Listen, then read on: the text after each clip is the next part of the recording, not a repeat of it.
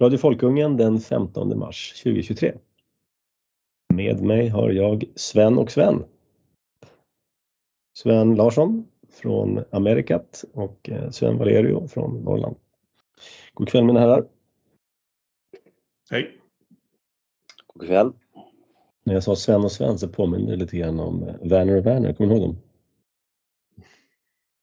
Kockarna. Just det. Nöjesmaskinen. Eller vad det hette, det programmet som alla svenskar satt och tittade på. Fredagskvällarna en gång i tiden. Eh, jag tänkte vi ska prata om en liten text som Sven Larsson har skrivit angående eh, den här banken, Silicon Valley Bank, vad det var egentligen som hände och eh, hur somliga opportunister kommer utnyttja det här tillfället. Eh, och då menar jag då politiker. Eh, så Sven, vad, vad, vad, är det för bank det här? Hur länge har den funnits och hur stor var den här? Silicon Valley Bank eh, har funnits i ungefär 40 år. Eh, de, har, de är lokaliserade då i det som man brukar kalla för Silicon Valley i Kalifornien. Jag tror deras specifika adress för huvudkontoret är Santa Clara. I botten på den där Eh, det man kallar för the Bay Area söder om San Francisco. Eh, de har eh, eh, fungerat som eh, huvudfinansiär för en, ett stort antal eh, så kallade techföretag. Alltså, det har väl handlat mycket om techföretag. Men det har också handlat om, om vi ska vara lite, lite eh, Eh, pragmatiska, så har det väl handlat mycket om andra företag på senare tid som har kommit springande med en app-idé och velat ha pengar. Eh, den typen. Så att det har varit både, både riktiga techföretag och mer de här eh, glada ungdomar från Berkeley som, som vill, vill hitta på ett nytt sätt att beställa mat via telefon och sånt där. Så att det är hela spektrumet vad jag förstår. Ehm, eh, och de har, de byggde upp sig till en storlek där de var Eh, i, jag tror det var 16 största bank här i, här i USA. Um, hade folk i styrelsen med klara politiska kopplingar, vad jag förstår, till det demokratiska partiet.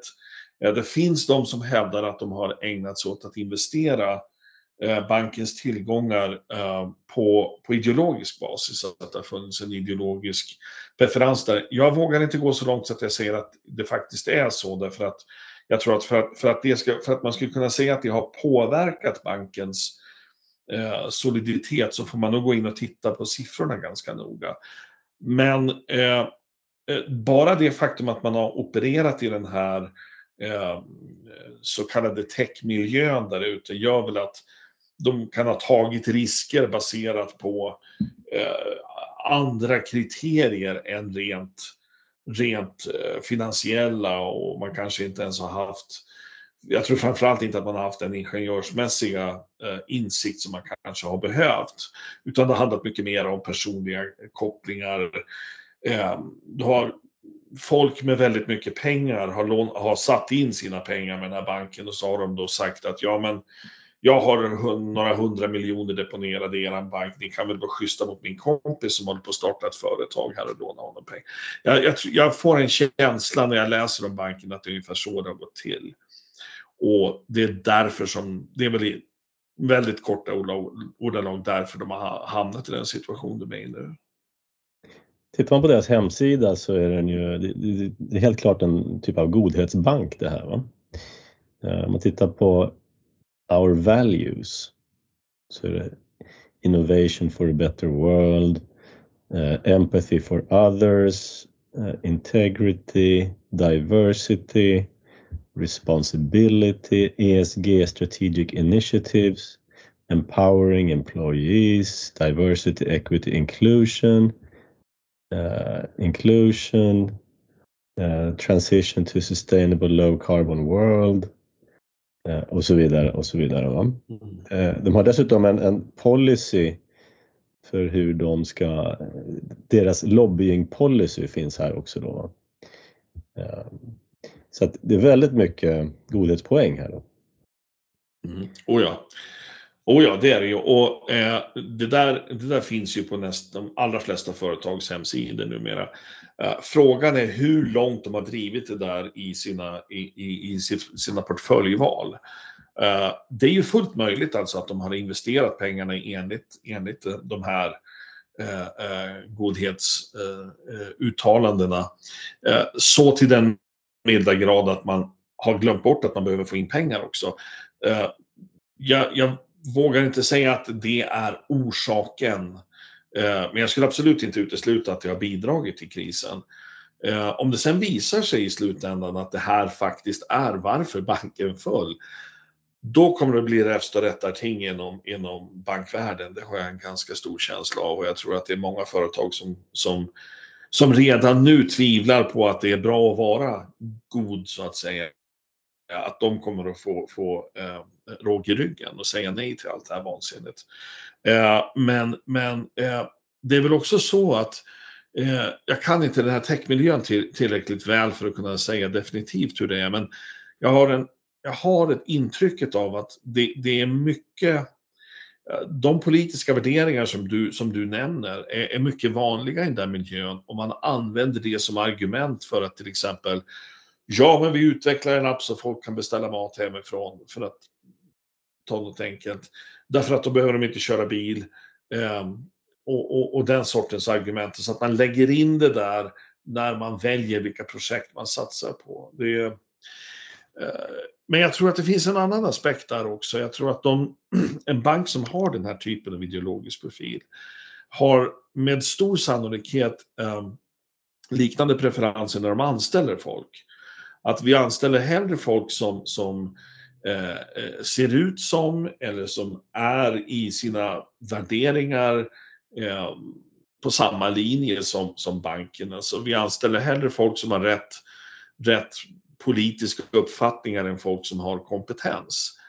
Och det är någonting som oroar mig. Det perspektivet oroar mig. eh, därför att det, det ser vi ju redan att det händer inom företagsvärlden, både i Europa och här i Amerika. Och driver man det tillräckligt långt så förlorar man ju den här, den här uh, uh, professionella kunskapen som håller företagen vid liv.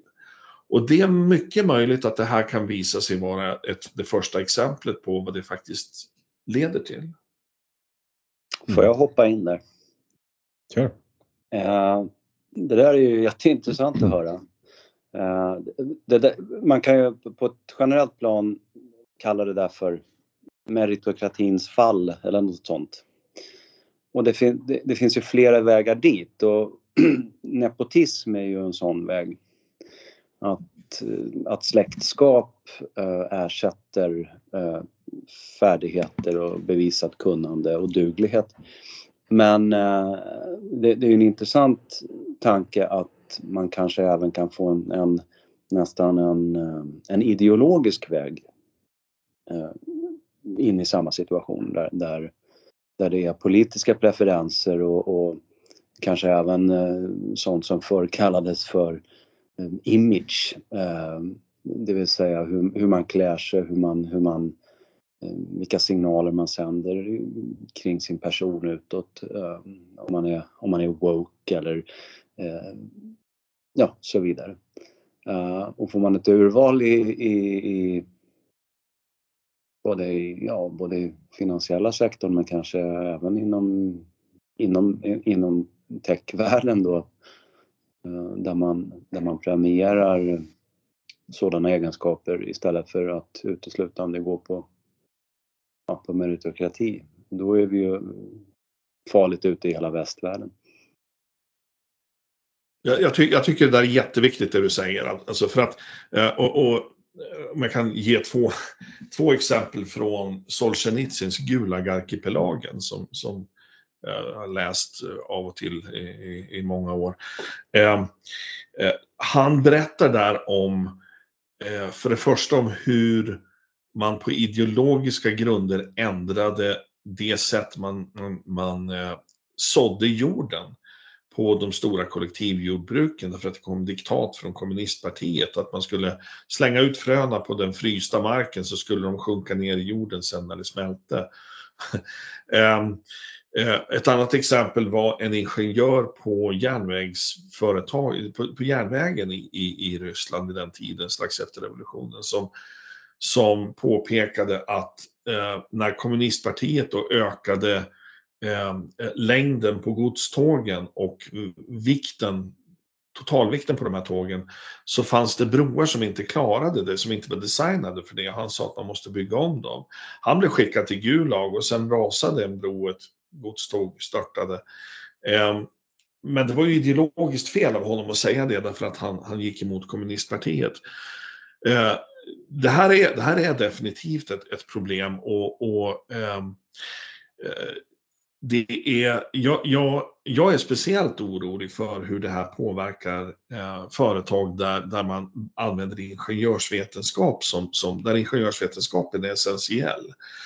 Eh, inom eh, all typ av, av eh, vi talar om maskinindustri, elektronik, kemi, eh, princip allting vi till, tillverkar. Va? Eh, vad gäller de här företagen ute i, i, i eh, Silicon Valley så ska man kanske skilja på de som är de facto teknologiska, det vill säga de som arbetar med att utveckla eh, eh, kvalificerad hård och mjukvara å ena sidan och de här appföretagen å andra sidan som jag ärligt talat inte har särskilt mycket respekt för. Eh, därför att de, de, går nästan aldrig, de kan nästan aldrig producera en, en, en produkt som kan bära sig rent företagsekonomiskt. Eh, och jag tror att just, just den här bristen på, på Eh, fackkunskap hos en bank, om vi spekulerar i någonting här, kan alltså göra att banken väljer att investera på ideologiska skäl därför att de människor man har anställt inte har den, den, den professionella kunskapen. De har kommit in som sagt på, på, på då eh, woke merits så att säga. Det, det, finns ju då en, eh, menar jag, en, en primus motor bakom allt det här som gör det här möjligt. Eh, och det är ju billiga krediter. Billiga pengar, låg ränta, sedelpressen gör det här möjligt. Man kan alltså bedriva låtsasverksamhet under ganska lång tid så länge det finns billiga pengar att tillgå. Ehm, men sen så kanske saker och ting ändrar sig. Sedelpressen går långsammare, räntorna stiger. Eh, och det här är ju det mönster som brukar det, det, det, det är mönstret som brukar ligga bakom alla de här bankkrascherna. Um, så att det är ju någonting liknande här också egentligen. Ja, ja. Väldigt, väldigt viktig poäng Klaus. Alltså det, eh, vad som är, det, är ju, det är ju på bara ett år som räntorna har stigit från i stort sett ingenting till 4-5 procent om vi tittar på marknaden för, för amerikanska statsobligationer. Så det har ju varit en Eh, eh, eh, det har inneburit en räntechock och, och, många av de här bankerna arbetar ju då med kortsiktiga krediter och, och eh, överhuvudtaget en kortsiktig finansiell planering, Det innebär att de exponerar sig för snabba räntestigningar och de får eh, till en början får de starka marginaleffekter men sen äter de sig in i så att säga bulken av deras finanser. Så att det där är en väldigt bra poäng. Eh, och nu visar det sig tyvärr att eh, Eh, den här bankens, eh, alltså inlån, inlåningarna kommer nog tyvärr att täckas av Eh, eh, eh, av eh, den amerikanska staten. Eh, och det innebär att man de facto trycker pengar för att göra det, det vill säga man, man, man lägger upp till att gå tillbaka till billiga krediter igen. För meningen med höga räntor och strikta regler för hur mycket man täcker av inlåningar är ju just att undvika att banker tar de här typen av risker. Menar, en, en nyckelparameter när man driver bank, det är att man ska matcha inlåningen och utlåningens eh, ska man säga, duration. Det vill säga, mm. du tar in pengar och lånar ut pengar till någon annan eller investerar i någonting. Då ska de här eh, tiderna stämma överens. Så att när du får tillbaka dina lån, det ska vara den tiden som dina insättare ska kunna hämta ut sina pengar. Det vill säga, du kan inte ta lån från människor Eh, där de har rätt att hämta ut dem när som helst och investera de här i grejer som kanske håller i 3, 4, 5 år. Det funkar liksom inte för då kan det uppstå en situation där du inte kan betala ut det som, ja, det som du har lovat att kunna göra.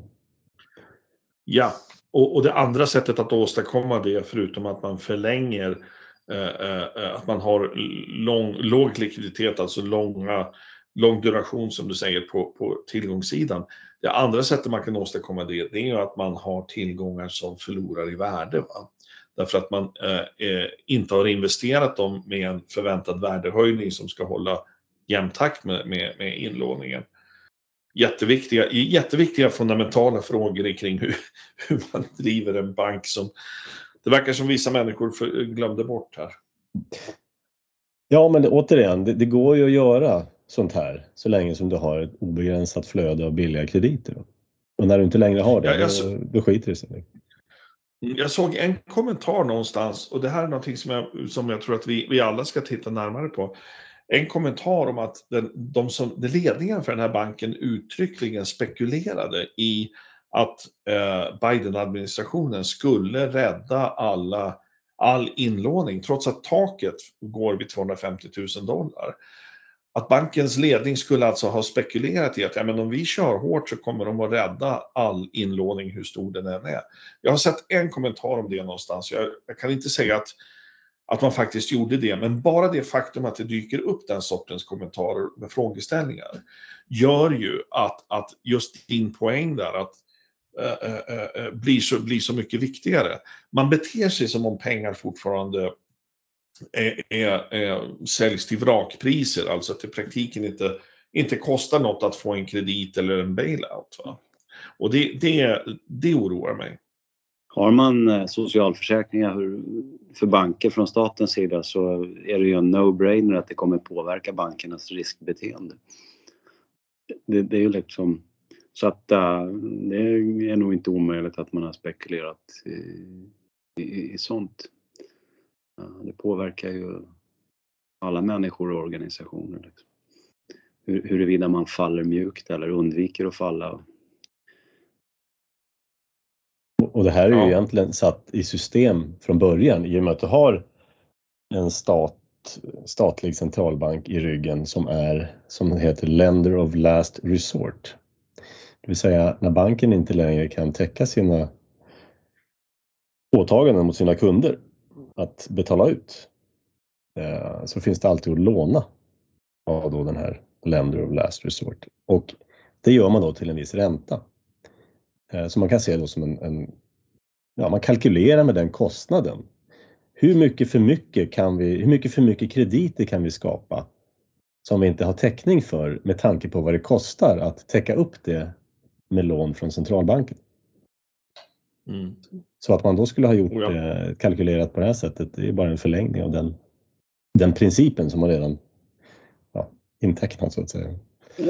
Jag måste... Ja, och... ja visst. Ja, ett, bara en fråga. Uh, när, för som jag förstod det nu uh, på din text så kommer Federal Reserve kommer låna ut pengar uh, med förbehåll då. Eh, man ska uppfylla vissa krav och man ska göra vissa saker. Finns det någon diskussion till exempel från vänsterhåll i USA att att man då ska få att, att man borde få ägarandelar så att säga.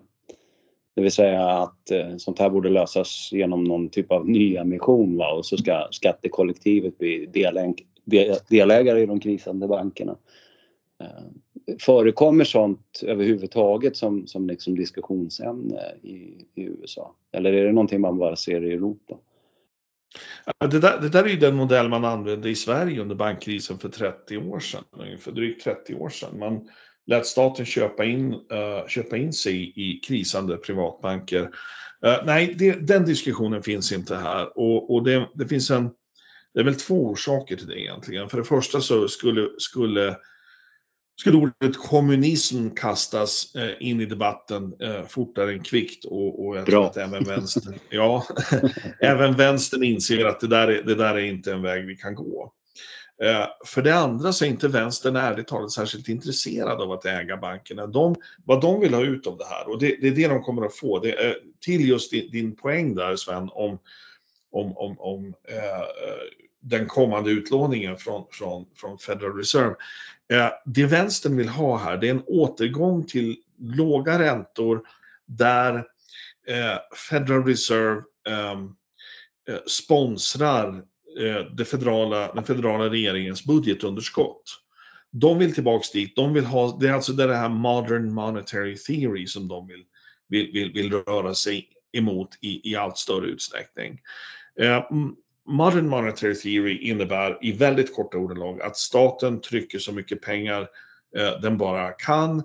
Eh, man, lånar, eh, man köper sedan statsobligationer för det och stat, och, och ehm, eh, de pengarna används sen för att finansiera välfärdsstaten. Va? Eh, blir det inflation av det säger, säger då Modern Monetary Theory att då höjer man skatten och drar in pengarna igen. Det, alltså, teorin är fullkomligt vansinnig, jag har skrivit flera artiklar om det. Eh, men men det, är så här, det är så här vänstern i USA tänker.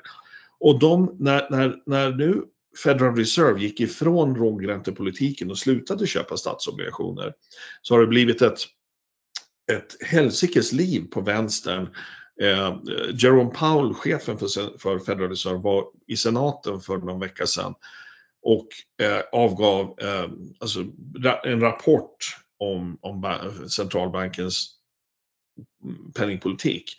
Och han fick alltså, det, eh, en av de mest radikala senatorerna, Elizabeth Warren, började i princip skrika åt honom att han ska kasta två miljoner människor ut i arbetslöshet.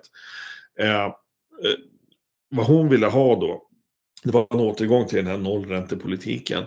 Det är man på väg att få igenom nu. Därför att Federal Reserve har nu annonserat ett program som heter eh, Bank Term Funding Program, BTFP, som ska låna ut pengar, just precis som du säger, låna ut pengar till bankerna.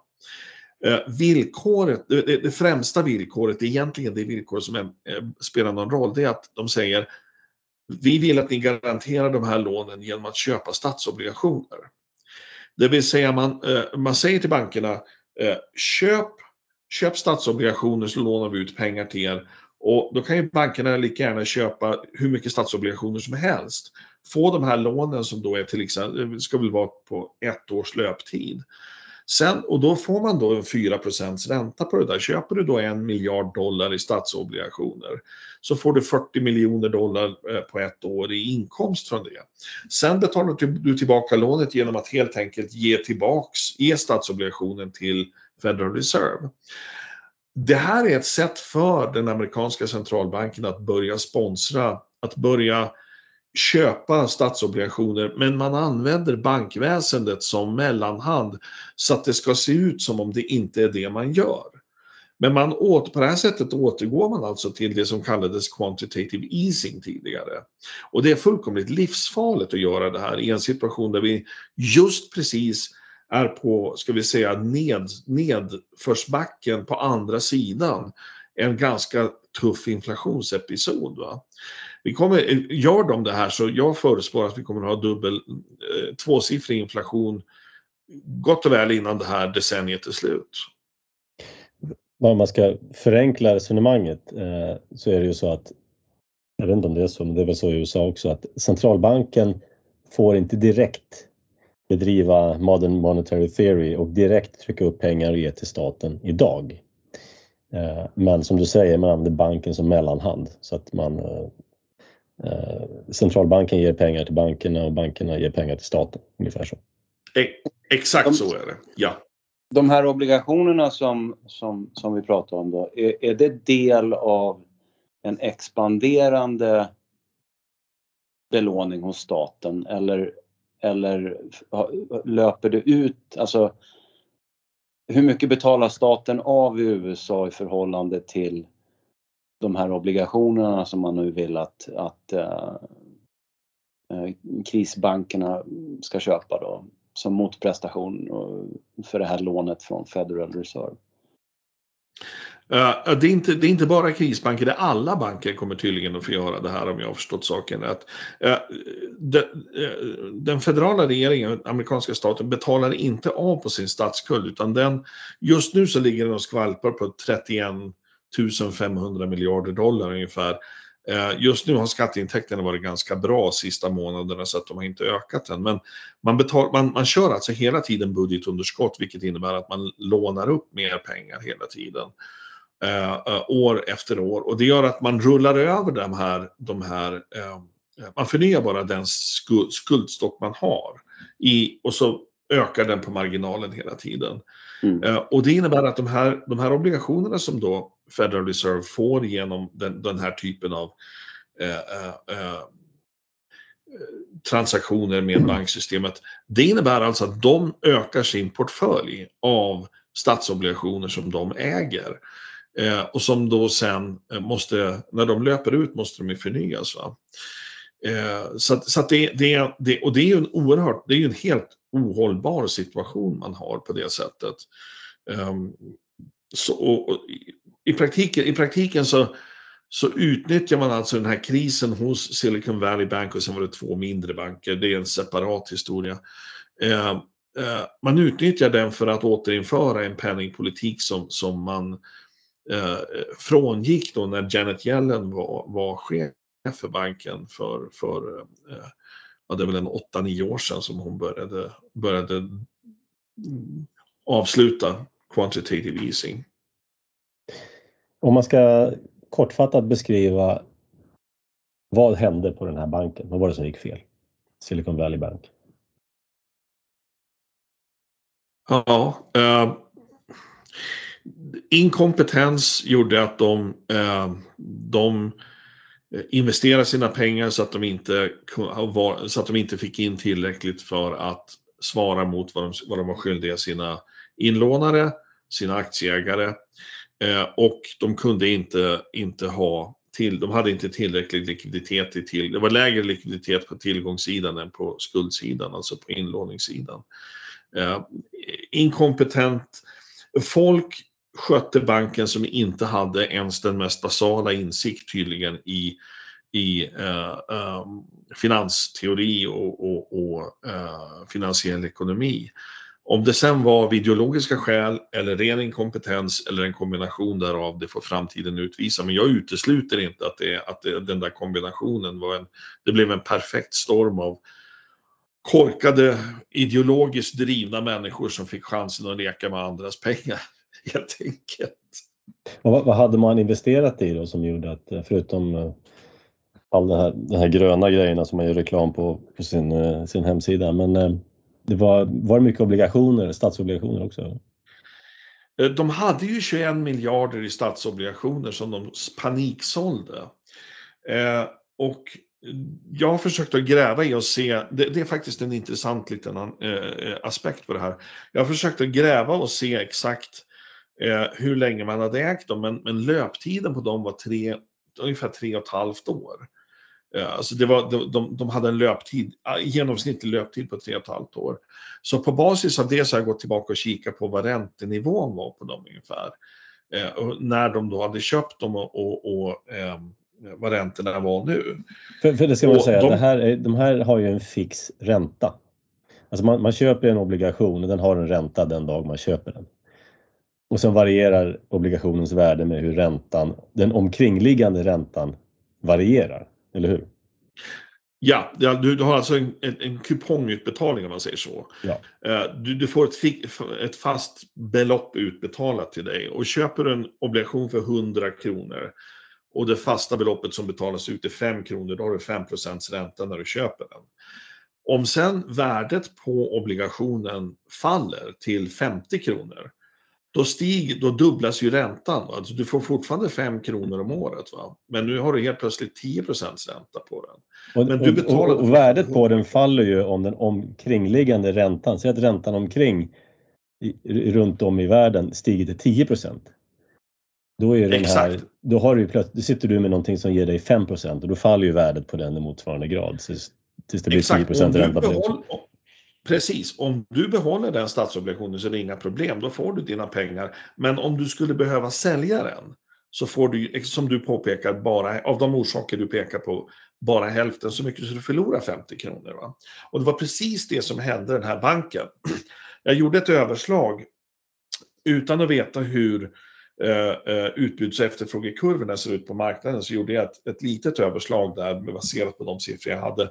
De kan ha förlorat så mycket som 60% av det ursprungliga värdet. Officiellt förlorade de bara 1,8 miljarder dollar. Men det, det, det skulle, det, skälet till att det tror jag är att någon har gått in och gjort ett mycket starkt stödköp för deras portfölj. Eh, det är nämligen så här, och det här är, det här är tekniskt men det är, det är faktiskt viktigt i sammanhanget. I torsdags förra veckan när de sålde av sina 21 miljarder dollar i statsobligationer då, när man dumpar så mycket pengar på marknaden på en dag, speciellt inom ett ganska smalt segment av, av statsobligationer med en löptid på runt 2, 3, 5 år, då ska priset naturligtvis falla på de obligationerna. Det ska ju falla ganska kraftigt, vilket man ser på marknaden med att du får en kraftig räntestigning, att räntorna stiger där helt plötsligt. När, man, när jag tittar på statistiken från eh, eh US Treasury, alltså från Finansdepartementet här, över räntorna eh, per dag, torsdag, fredag förra veckan, så ser jag att räntorna faller kraftigt. Precis, över hela linjen och framförallt i det segment som de tydligen sålde av. Det, det, det, är någonting som inte stämmer, för vad det innebär det är alltså att priset stiger när de säljer av och ökar utbudet på marknaden. Det, det kan ett barn räkna ut att det borde vara precis tvärtom. Så vad jag misstänker har hänt, är att någon stor institution, jag vet inte om det var Federal Reserve, men de är, det är egentligen bara de som har de finansiella musklerna, har gått in och dammsugit upp marknad, äh, äh, de här 21 miljarderna för att minimera förlusten. Det, det, för mig, det öppnar för mig den hypotesen och vad det innebär då, då har alltså Federal Reserve gått in och, och i praktiken gjort en bailout bakvägen för den här banken redan innan de har då gått i konkurs. Va? Och det är för mig häpnadsväckande, för det innebär ju att Federal Reserve nu säger till alla andra banker, vi kommer att rädda er också på samma sätt. Och det är farligt. Mm. Ja, hur, mycket, hur mycket handel är det från utlandet med sådana här amerikanska obligationer?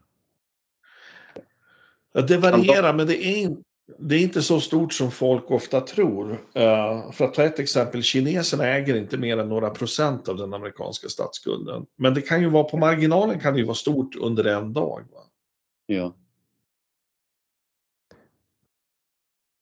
Ehm, hur, hur, stor eh, risk är det? För det första tycker jag det är ganska anmärkningsvärt att en bank som heter Silicon Valley Bank som specialiserar sig på att investera i teknik och ja, appar eller riktig teknik eh, sitter på en massa statsobligationer. Eh, tycker man ju inte borde liksom, stämma med den nischen de påstår sig ha. Men det kanske är så, det, det kanske är så nu, alla banker sitter med massor med statspapper. Liksom, för det, incitamenten är sådana. Eh, men hur stor är risken att det här sprider sig nu till andra och eh, eh som sitter i liknande situation helt enkelt? Eh, det, det, finns ingen systemrisk inbyggd i det här så vitt jag har kunnat bedöma. Det är inte så att du har ingen, ingen ska vi säga, eh, det var inte så att de, de, den här banken kollapsade på grund av en extern faktor. Om vi tar bankkrisen i Europa för en 12 år sedan så var den delvis orsakad av att du hade en, en, en fastighetsbubbla som sprack. Eh, precis som det var i Sverige i början på 90-talet. Det är inte fallet här. Det är inte så att, att de har Eh, eh, gått efter någon, någon tillgångsmarknad som, som eh, imploderade. Utan det här verkar vara eh, isolerat till den, just den här banken. Problemet, spridningseffekten, kan komma om det är så att du har, du har folk som har stora depositioner i, i andra banker som är medelstora eh, regionala banker och som eh, som blir oroliga just bara av det skälet att de inser att eh, det finns en gräns för hur mycket, hur mycket eh, staten garanterar. Du är bara försäkrad upp till 250 000 dollar. Om du börjar få rörelser bland stora folk med mycket pengar på det sättet för att sprida sina tillgångar, då kan du få störningar i systemet som kan göra att andra banker hamnar, hamnar på obestånd. Eh, men det skulle vara, det skulle, den spridningseffekten skulle vara av det slaget i så fall eh, rent psykologiskt. Och det ska man inte utesluta att det kan hända. Mm. Ja, alltså det, hela systemet är ju ruttet. Det har ju blivit korrumperat. Det är ju inte egentligen längre marknads, hederliga marknadskrafter som styr det här längre utan det är ju genompolitiserat allting. Ja, verkligen och, och, och absolut.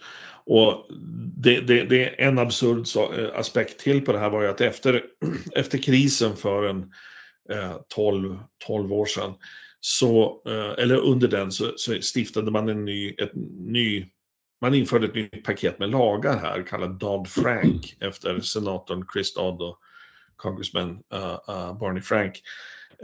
Som skulle förhindra just att banker hamnar på obestånd. Man, man tvingade dem att hålla, eh, ändra sina likviditetsbalanser och hur mycket de kunde. De fick till exempel inte investera på sätt som betraktades som alltför spekulativa. Problemet med den lagen är att man inte förbjöd dem att investera uh, av ideologiska skäl. vilket, vilket ytterligare faktiskt stärker hypotesen att det här har gått, den här banken gick åt skogen just därför att man gjorde ideologiska investeringar. Så det ska bli mycket intressant att se när vi får mer information om det, om det faktiskt stämmer. Det börjar lukta så i alla fall. Jag, jag, jag vill ju hävda att inga reglementen i världen kan förhindra bankkriser. Därför att eh, det enda egentligen som kan förhindra det här det är att banker får eh, liksom stå på egna ben som riktiga företag. Det vill säga investerar man dumt så ja, då får man eh, då får man bära den, det ansvaret och i slutändan att det här då att kunderna också får lida så att de blir upplysta konsumenter. Menar, man kan ta en gammal tidning, jag har många sådana urklipp, där bankerna publicerade sina balansräkningar. Så att kunderna själva kunde bedöma, är det här en, eh, liksom, är det här en, en bra bank? Mm. Och det, det, mm. blev ju smartare konsumenter, smartare liksom, bankkunder på det sättet. För det var ansvar hela vägen. Eh, nu, nu så har vi då pappa staten som alltid ställer upp och alla räknar med det. Både kunder räknar med det med insättningsgarantier och bankerna räknar med det. Klart att det blir missbruk. Och, och sen, sen, kan Absolut. du reglera och förbjuda och liksom detaljstyra hur mycket du vill. Det spelar ingen roll för det finns alltid vägar runt. Ja, exakt. Va? Den, den reglering och den skatt är inte uppfunna som kan, som kan lösa alla de problem som politiker vill. Tvärtom ju mer de lägger sig i, desto fler problem skapar de. Det, det, det är en evig sanning. Jag tror att jag är tvungen att avsluta här tyvärr, för att jag, jag har en del annat jag måste ägna mig åt. Det är helt okej. Okay. Vi har fått svar på det vi ville prata om. Och, uh... mm, ja, det var väldigt trevligt. Ja, kul att prata med dig också, Sven. Ja, detsamma. Uh, ja, men tackar för ikväll och uh, jag gissar att vi hörs igen här inom en inte alltför avlägsen framtid. Ja, det hoppas jag. Ha det bra!